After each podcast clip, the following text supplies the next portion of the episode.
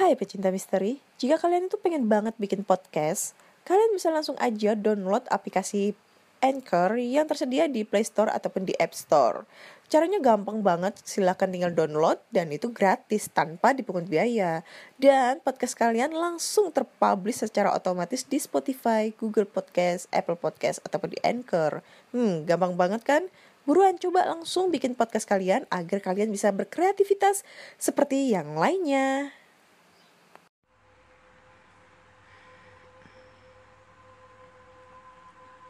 Hai, selamat datang di podcast kisah horor.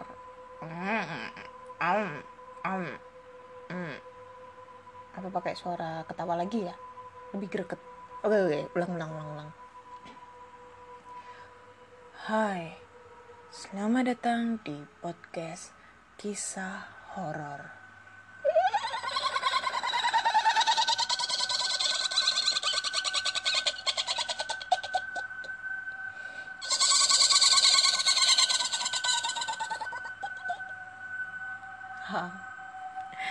Oke, sekian.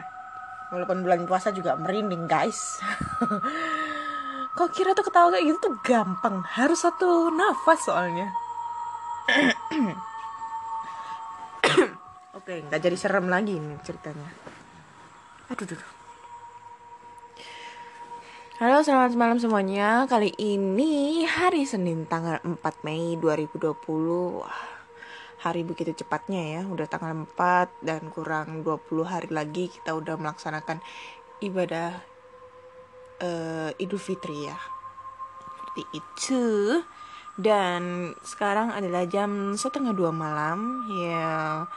Sambil menunggu sahur mari kita membacakan cerita-cerita horor yang sudah dikirimkan teman-teman melalui podcast kisah horor at gmail.com atau di DM Instagram uh, podcast kisah horor atau Anna Olive. Aduh.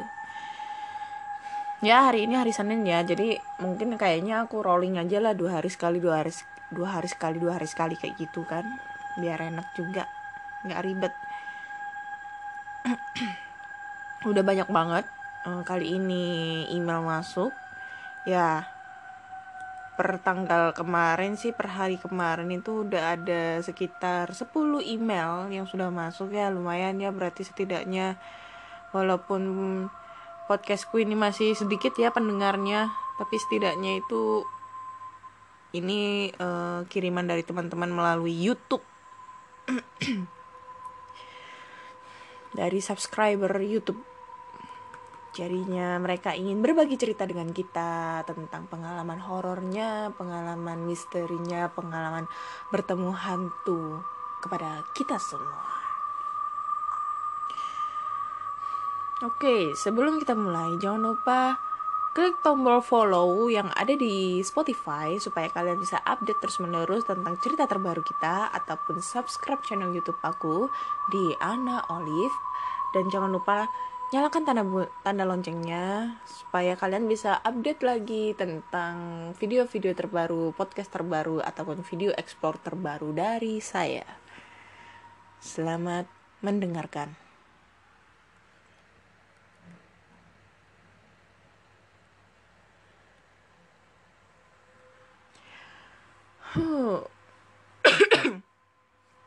Udah pada sahur belum?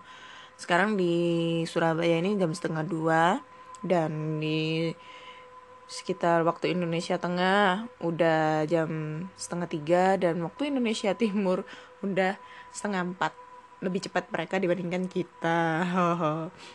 Jadi bukanya itu cepatan mereka dibandingkan kita juga. Oke okay, cerita pertama. Ini datangnya dari DM Instagram tapi kenapa yang mesti yang nge-DM itu akunnya akun fake semua ya? Apa ya? Maksudnya tuh cuma ya cuma mungkin cuma buat stalking stalking Instagram aja sih cuma dia tuh kirim kirim cerita horor ya pengalamannya.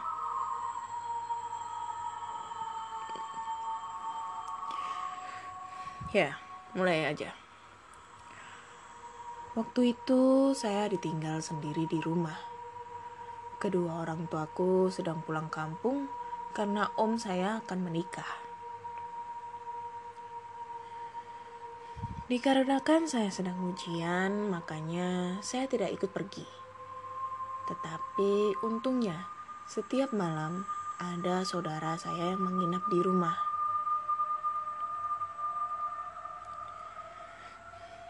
Setiap jam 8 atau 9 malam, saudara saya akan datang ke rumah. Hari itu adalah malam ketiga. Jam sudah menunjukkan jam 9 lewat. Saudara saya pun mengajak untuk tidur. Tetapi sayangnya saya tidak bisa tidur, entah kenapa. Padahal udah jam 10 lewat. Mata ngantuk tapi nggak bisa tidur. Pikirku aneh, kenapa saya belum bisa tidur juga. Hmm. Tak lama kemudian ada suara di dekat jendela ruang tamu. Awalnya nggak terlalu nyaring suaranya. Tapi lama kelamaan suaranya semakin jelas.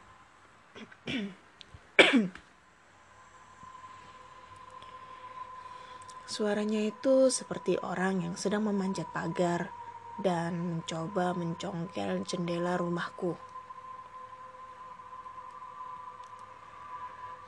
Saya deg-degan banget karena aku takut itu suara maling yang mau mencoba masuk rumah. Suaranya semakin kencang karena saya udah benar-benar takut banget. Saya akhirnya mencoba membangunkan saudaraku, tetapi mereka nggak bangun-bangun, dan saya tetap berusaha membangunkan mereka. Setelah beberapa, beberapa menit, untungnya mereka bangun. Saya membisikkan, kenapa saya membangunkan mereka. Akhirnya, mereka mengintip lewat jendela kamar. Dan mereka bilang, tidak melihat siapa-siapa. Bayangan pun juga nggak ada. Mereka heran karena mereka sempat mendengar apa yang aku dengar tadi. Aku mencoba untuk tidur dan menutup mata dengan selimut.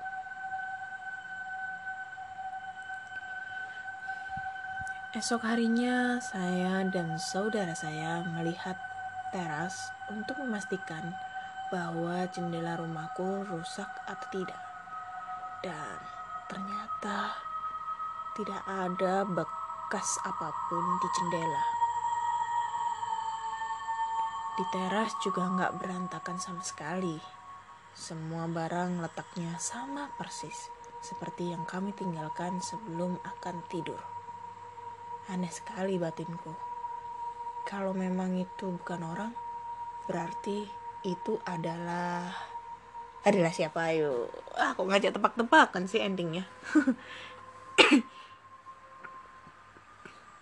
Oke, okay, cerita pertama datang dari Mr. X. Dia menceritakan kalau di saat dia ditinggalkan di rumah oleh orang tuanya, terus dia tidur gitu sama saudaranya, ada saudaranya datang dan di saat mereka mau tidur, si Mr. X ini mendengarkan suara kayak ada orang yang manjat ke pagar gitu loh. Biasalah kayak kayak apa ya? ya kayak kalian manjat di pagar itu biasanya kan bunyi kan entah itu engselnya bunyi entah itu ini bagian besinya itu ngebanting-banting yang lintasan rodanya kan biasanya bunyi kayak gitu ya berisik jadi dia nge ngedengar bunyi seperti itu dan dia tuh juga ngedengar bunyi kalau kayak ada orang yang sudah yang sedang mencongkel jendelanya.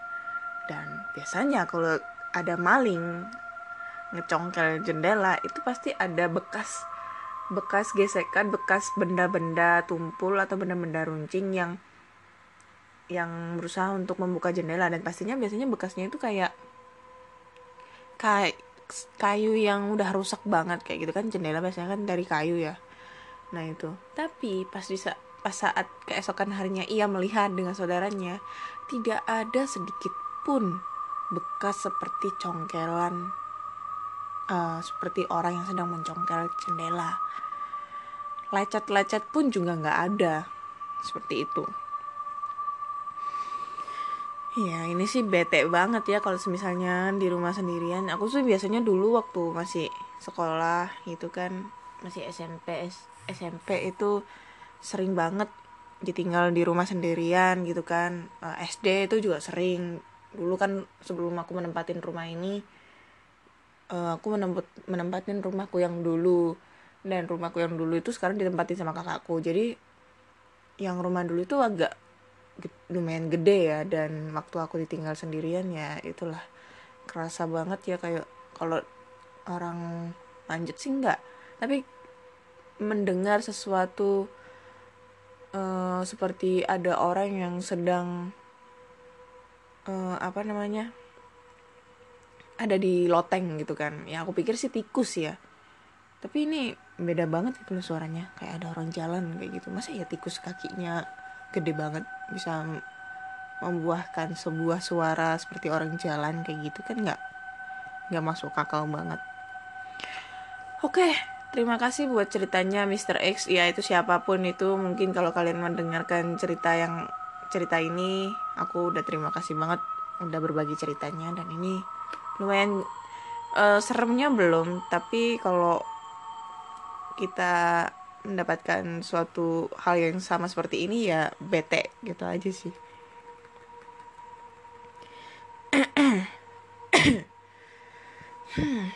Oke lanjut ke cerita kedua Hai Kak Ana, nama saya Reza Syahyuda Saya tinggal di Punaron, Aceh Halo Aceh. Wih, dari Sabang sampai Merauke ini sudah ceritanya. Kemarin ada yang dari Papua juga. Tanggal 17 November 2018. Saya pergi ke kota Lokok.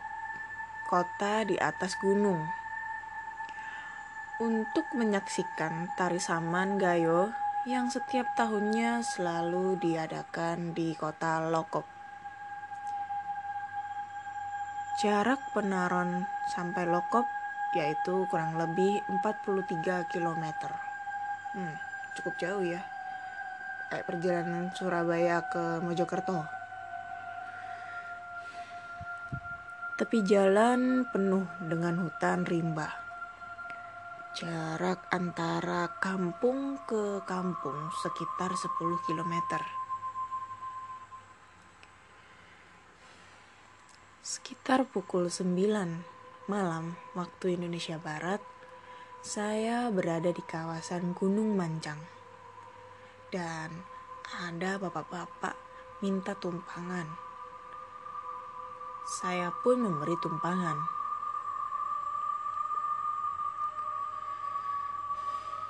Kebetulan tujuan saya melewati kampung bapak itu. Di perjalanan kami pun berbincang-bincang. Ternyata nama bapak itu Aman Jali, warga kampung Bunin. Dan selama di perjalanan bersama Bapak Amin Jali, bulu kuduk saya merinding. Uh, ngeri nih pak. Saya bertanya sama bapak itu, Kok di sini bulu kuduk saya merinding, Pak? Ini ini tempat angker, Dek. Sudah tiga orang meninggal akibat kecelakaan di tikungan ini. Jawabnya dengan nada tersangkut-sangkut. Sebelum tiba di kampung Bunin, Bapak Amanjali meminta turun dan mengucap, mengucapkan terima kasih. Saya pun melanjutkan perjalanan. Dan sekitar pukul 22.30 menit, saya berhenti sejenak di salah satu warung yang ada di kampung Bunin untuk membeli rokok. Tiba-tiba mbak yang punya warung tutup hidung. Saya pun bertanya, Mbak, kenapa tutup hidung? Mas bau amis sekali, bau darah. Saya pun melihat baju belakang dipenuhi darah yang masih baru. Saya terkejut luar biasa sambil mengucap astagfirullah. Baju mas kok penuh darah gitu ya? Gak tahu mbak, kok bisa ada darah gini? Apa mungkin darah bapak-bapak itu ya? Bapak-bapak? Iya, tadi saya bonceng bapak-bapak di jembatan dekat Gunung Mancang. Terus tiba-tiba berdarah gini baju saya. Aduh, suara saya jadi agak serak ini.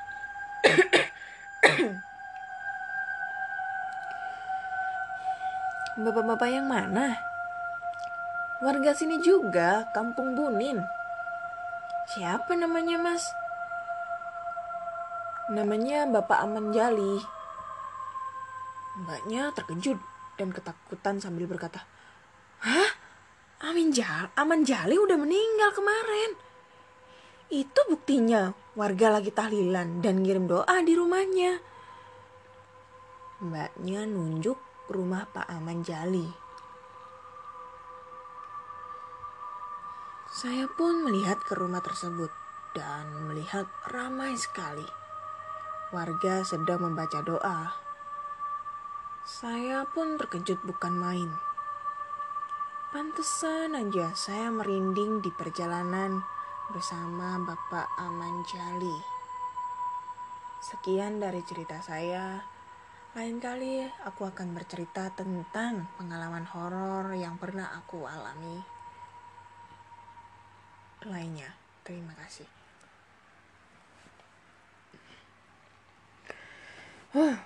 Terima kasih Mas Reza. Ini ceritanya creepy banget ini Pak. Ih gitu gila. Aku sih nggak bisa ngebayangin ya.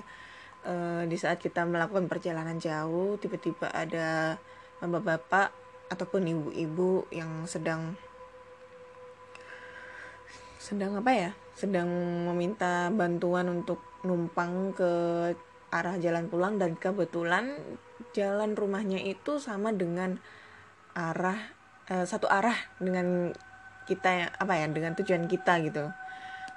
Dan tiba-tiba di perjalanan dia merasa bulu kuduknya merinding.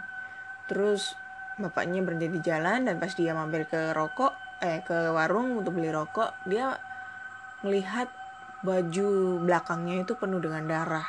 Dan darahnya itu masih baru.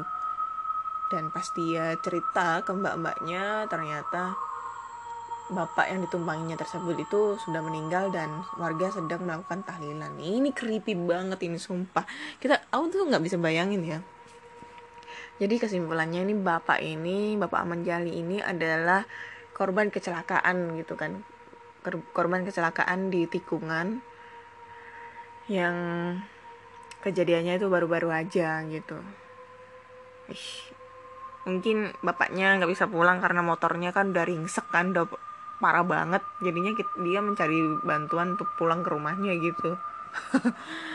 Uh, ya aku nggak bisa bayangin sih. Tapi ya bagi kalian kalau misalnya kalian malam-malam mengendarai mobil atau mengendarai motor lalu di tengah jalan ada bapak-bapak ataupun ibu-ibu ataupun ya mbak-mbak cantik gitu kan yang sedang membutuhkan tumpangan ya kalian harus berhati-hati ya. Biasanya itu menjadi suatu tindak kriminal juga sih ya. Uh, sengaja gitu uh, jadi mereka kita memberikan tumpangan mereka ikut dengan kita dan ternyata di belakang itu sudah ada orang yang membuntutin membuntutin kita untuk merampas kendaraan kita. Itu kalian juga harus waspada jangan jangan langsung asal juga gitu loh. Ya. Dan sekarang juga kalian jangan sering keluar-keluar ke rumah ya. Ini lagi musimnya begal karena pandemi ini kan karena efek dari pandemi ini kan jalan-jalan kan pada sepi. Pada sepi karena PSBB gitu kan dan karena kesep apa kesepiannya kayak apa aja kesepiannya. Karena situasi yang sepi itu dimanfaatkan oknum-oknum yang tidak bertanggung jawab ataupun oknum yang berbuat mau berbuat jahat itu untuk berbuat tindak kriminal seperti itu Surabaya udah sering banget ini sekarang begal akhir-akhir ini oke okay. Ntar ya.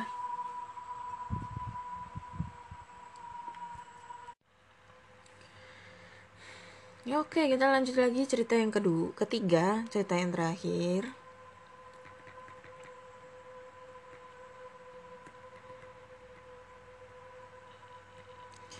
Ini cerita dari Denny.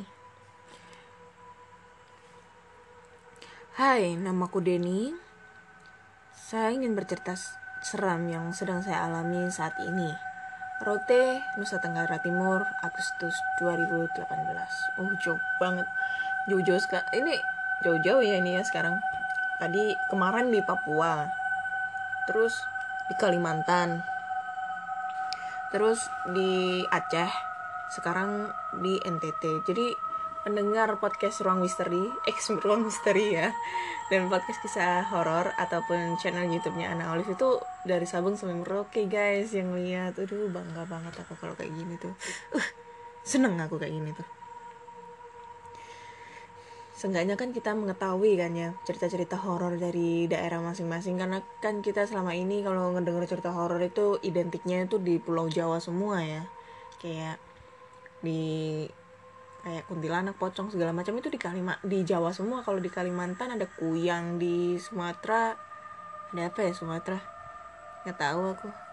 Bak apa ya? Bak kan. Ya itulah pokoknya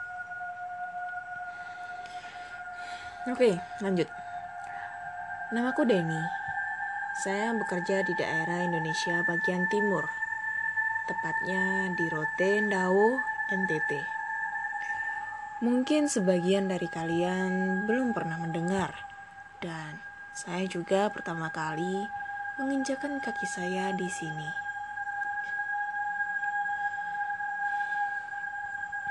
Saya hanya sebagai kuli. Saya sedang bekerja membangun toko. Dan toko ini adalah bekas rumah kebakaran yang entah apa sebabnya Awalnya saya tidak merasakan apa-apa selama satu bulan ini. Entah kenapa, minggu-minggu kemarin, hawa dan suasana di sini agak aneh. Yang biasanya saya merasakan hal biasa seperti, seperti uh, hal biasa sekarang seperti ada sesuatu yang selalu memperhatikan saya setiap apa yang saya lakukan terutama ketika berada di dalam bangunan.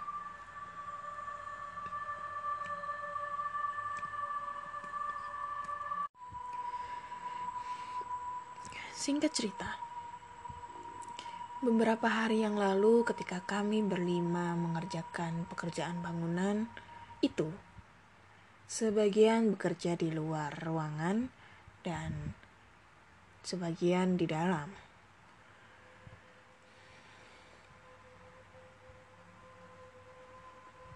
Saya termasuk yang bekerja di dalam berdua bersama kakakku. Saat itu kakakku lagi keluar ambil barang di gudang. Otomatis saya sendirian di dalam. Selang beberapa menit ada hentakan kaki melangkah di sebelah tangga. Saya kira itu teman. Tapi saya perhatiin dan tunggu-tunggu nggak nongol-nongol juga. Ah, mungkin itu temanku, pikirku. Selang beberapa menit, suara itu muncul lagi. Dan saya asal panggil salah satu teman saya. Gel! Dan ia menjawab, ya. Setelah itu saya keluar untuk ambil minum karena haus.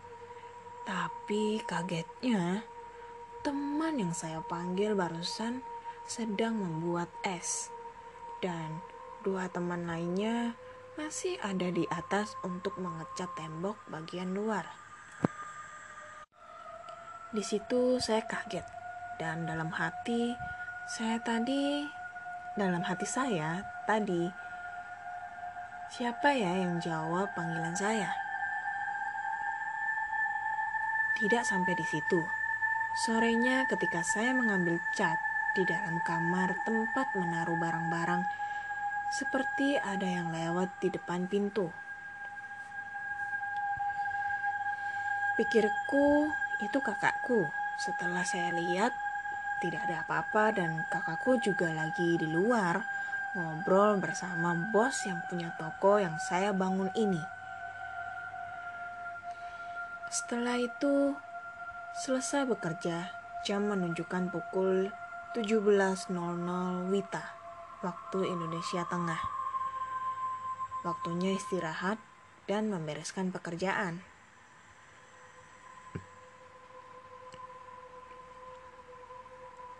Seperti biasanya, kami berkumpul, ngobrol-ngobrol, bercanda.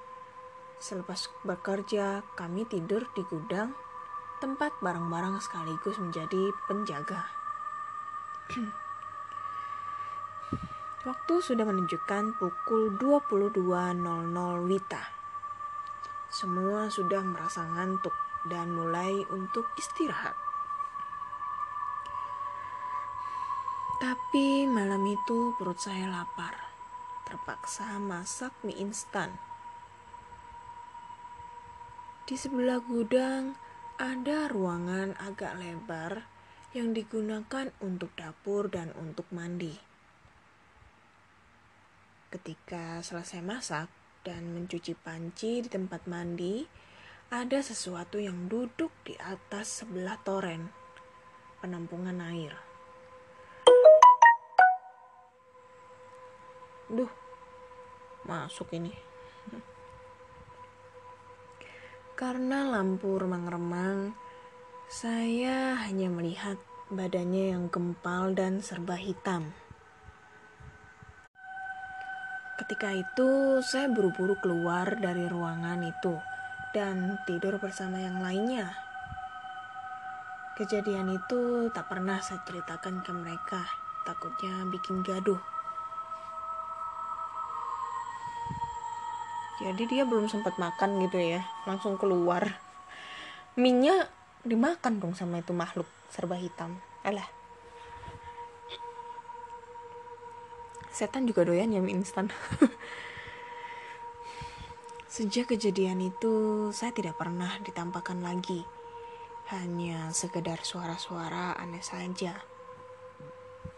Yang sering itu suara orang jalan di tangga. Sekarang saya sudah bekerja selama dua bulan di sini. Selama tidak ada gangguan yang berarti saya anggap biasa saja dan sudah mulai terbiasa. Saya tidak berani nongkrong sendirian malam-malam di luar jika tidak bisa tidur. Terima kasih, itulah cerita yang baru saya alami.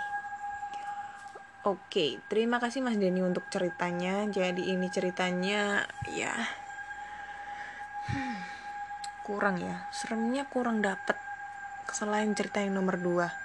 Itu uh bete itu sumpah itu banget itu. Jadi ini ceritanya Mas Denny ini bekerja sebagai kuli bangunan dan dia ada uh, kerjaan untuk membangun sebuah toko. Yang toko tersebut itu adalah bekas rumah kebakaran gitu.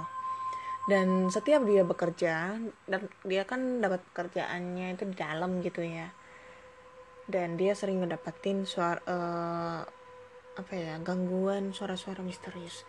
Yang aku prediksikan sih mungkin ini gangguan dari mungkin ya mungkin. Aku kan juga nggak tahu ya cerita pastinya. Mungkin aja uh, rumah yang dulu pernah kebakaran itu yang se sekarang dijadikan toko itu dulu pernah memakan korban jiwa. Jadi uh, apa namanya yang si korban tersebut yang yang punya rumah itu menghantui atau berdiam diri di rumah tersebut. Atau bisa jadi setelah terjadi uh, insiden kebakaran tersebut rumah itu lama akan ditinggalin. Dan menurut agama Islam ataupun menurut kepercayaan-kepercayaan orang lain kalau ada suatu bangunan kosong gelap dan sudah lama tidak ditinggalin selama kurang lebih 40 hari. Lebih dari 40 hari itu pasti ada sosok makhluk gaib yang berdiam diri di situ. Tapi ini sosok baru. Karena kan setiap rumah itu pasti ada penunggunya ya. Nggak mungkin nggak ada penunggunya.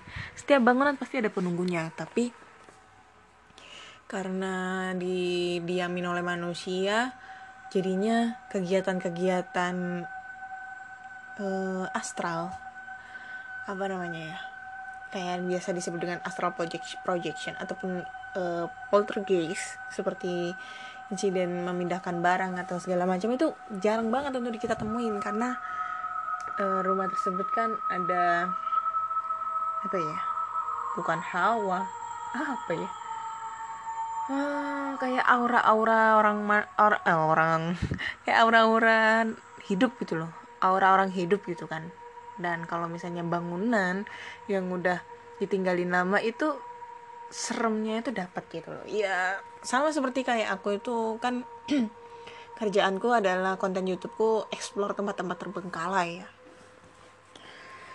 Dan di setiap aku explore di bangunan yang sekiranya bangunan itu pernah terjadi histori kejadian seperti seperti Marti Waluyo yang histori kejadiannya dulu adalah bekas rumah sakit pada zaman Bendala Be, Bendala Belanda. Terus habis itu rumah hantu Darmo yang histori kejadiannya di dulu adalah rumah ini adalah rumah pesugihan dan semua anggota keluarganya meninggal di sini. Ada juga rumah bekas pembantaian yang ada di Surabaya karena uh, histori kejadiannya ini satu keluarga meninggal di sini karena uh, apa namanya karena rumah tersebut itu bekas pembunuhan yang didalangi oleh kepala keluarga membunuh istri dan kedua anaknya dan lalu dan kemudian kepala keluarga tersebut yang sudah membunuh semua keluarganya itu dia melakukan bunuh diri. Jadi itu apa ya historinya tuh dapat banget.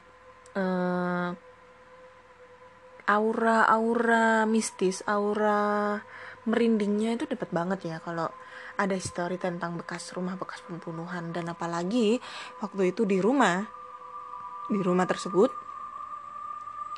ada ini di kamarnya itu ada bekas darah.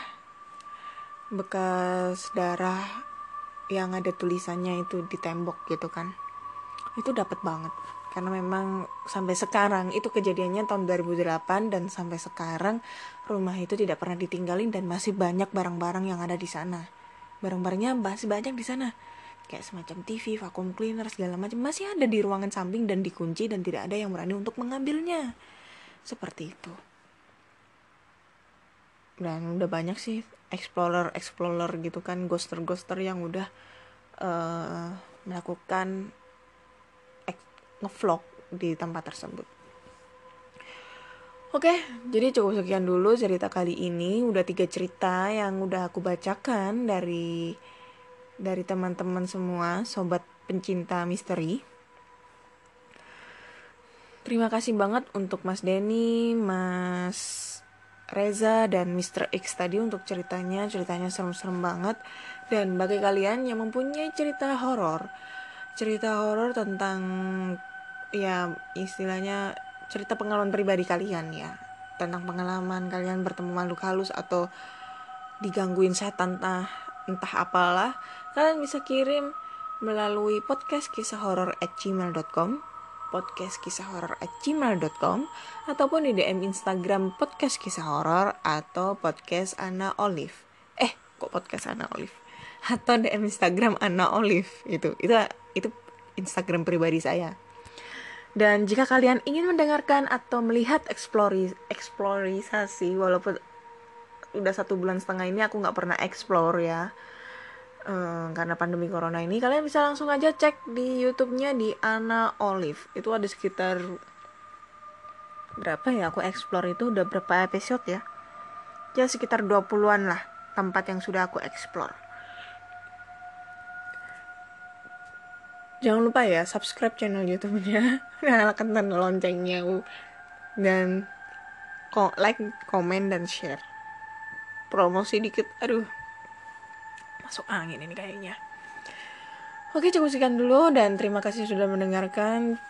Jumpa lagi di dua hari ke depan yaitu hari Rabu dan selamat menunaikan ibadah puasa, selamat bersahur dan sampai jumpa.